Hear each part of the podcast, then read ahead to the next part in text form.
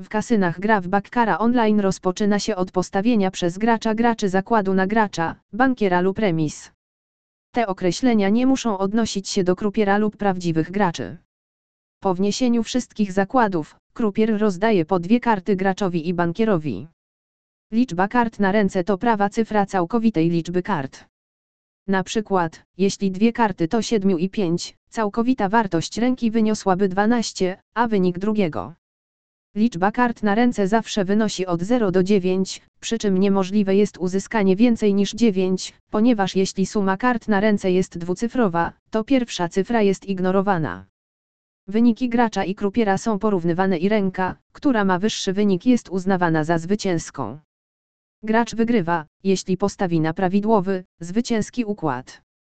Zwycięskie zakłady na bankiera płacą 19 do 20, zwycięskie zakłady na gracza płacą 1 do 1, zwycięskie zakłady na remis płacą 8 do 1 lub 9 do 1, w zależności od miejsca gry.